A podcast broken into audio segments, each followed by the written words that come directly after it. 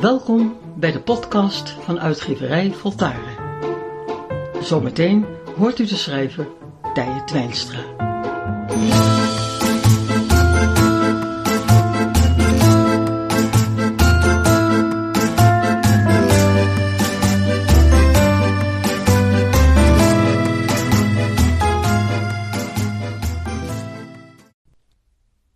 Een van de belangrijkste eigenschappen die een kind nog bezit, is de overgave. Een kind geeft zich over aan de ouder. Eerst in fysieke zin, daarna in mentale zin. Alles wat de ouder vertelt, gelooft het kind onvoorwaardelijk. Ik ben zelf opgevoed met het idee dat katholieken en gereformeerden slechte mensen waren. Katholieken geloofden niet echt, maar maakten er een poppenkast van. En gereformeerden waren niet te vertrouwen. Ze waren stiekem en hadden het achter de elleboog. Als kind geloofde ik dit volkomen. Ik moest dan ook niets van katholieken hebben of van gereformeerden, terwijl ik eigenlijk niets van ze afwist en zonder het te weten met ze omging. Dit gegeven van een volle overgave aan de ouder maakt de rol van de opvoeder bijzonder gevoelig voor teleurstelling. Vroeg of laat zal ieder kind teleurgesteld worden door de ouder, omdat er weinig ouders zijn die volstrekt eerlijk zijn. En eerlijkheid is eigenlijk de enige goede houding tegenover de overgave. Elke ouder, met jonge of met al wat oudere kinderen, kan echter wel moeite doen eerlijker te worden. Hoe beter dit lukt, hoe meer de overgave als levenshouding weer terug kan komen. Eerlijk zijn tegenover je kind houdt in dat je geen hele of halve waarheden meer vertelt om op die manier dingen voor elkaar te krijgen. Of om moeilijke onderwerpen uit de weg te gaan. Wanneer een kind van een ernstig zieke moeder aan de vader vraagt: Gaat mama dood?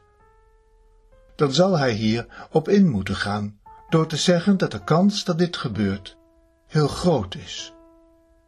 Tegelijk zal moeten worden gevraagd wat het kind onder de dood verstaat. Meestal zal het kind horen: Een mama gaat naar de hemel, of wordt een ster tussen de sterren. Maar een kind neemt niet zomaar genoegen met dit antwoord. Het vraagt: waarom blijft ze niet bij ons? Waarom moet ze weg? Vaak zullen nietszeggende antwoorden volgen, of moet de ouder bekennen dat hij het niet weet en ook liever gewild had dat mama bij hen zou blijven. Behalve eerlijk zal de ouder het kind ook moeten leiden in eigenheid. Hij zal het kind moeten duidelijk maken dat ieder mens een eigen levensweg heeft, waar niemand anders over kan oordelen. Ook niet als dit betekent dat iemand veel eerder doodgaat dan de meeste mensen. Eerlijkheid is een begrip dat in deze maatschappij steeds minder voorkomt. Integendeel, bijna alles is misleiding, manipulatie, verhulling. Toch is overgave een van de meest kostbare levenseigenschappen die we moeten koesteren. Alleen eerlijkheid, niet in het botte of in het rigide, maar in openheid en in gelaagdheid, dient het verlangen van de overgave het meest.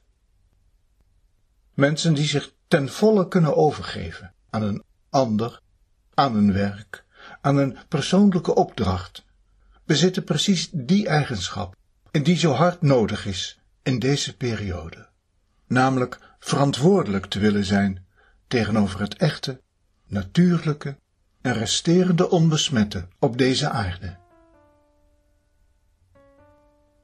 Eerlijkheid als actieve zijde van de overgave is een lang proces. We moeten er nog helemaal aan beginnen. Een van de meest krachtige manieren om eerlijkheid en overgave te veroveren, is door je alles aan te rekenen. Het is het omgekeerde om bij het minste geringste de ander of iets anders de schuld te geven. Nee, alles reken je je aan. Wanneer iets kapot is gegaan, doordat een ander er onzorgvuldig mee omging, dan ligt het voor de hand die ander dat te verwijten. Maar als je eerlijker wilt worden, vooral tegenover jezelf, dan zul je als uiterste consequentie tegen jezelf moeten zeggen: Maar heb ik er wel genoeg aandacht aan besteed? Had ik dit niet kunnen voorkomen als ik gewaarschuwd had dat het heel kwetsbaar was? Altijd is er iets wat je jezelf kunt aanrekenen. Ook dat is overgave. Overgave aan de deelname, aan je verantwoordelijkheid, je invloed, je verbinding, hoe klein die ook is. Als er iets in een verre land gebeurt, een ramp, een oorlog, iets waarvan je denkt dat je er geheel buiten staat, dan zoek ook dan jouw deelname aan wat jij hier en nu eraan kunt doen. Wie deze weg durft te gaan, de weg van de moedige, die zal merken dat de eerlijkheid, die hij tegenover zichzelf durft in te nemen, dat deze als vanzelf tegenover de ander zal plaatsvinden. En daarmee is de overgave aan je eigen verantwoordelijkheid, aan je eigen groei, bereikt. Het is dan dat we eigenlijk pas toe zijn om een kind in alle overgave op te kunnen voeden.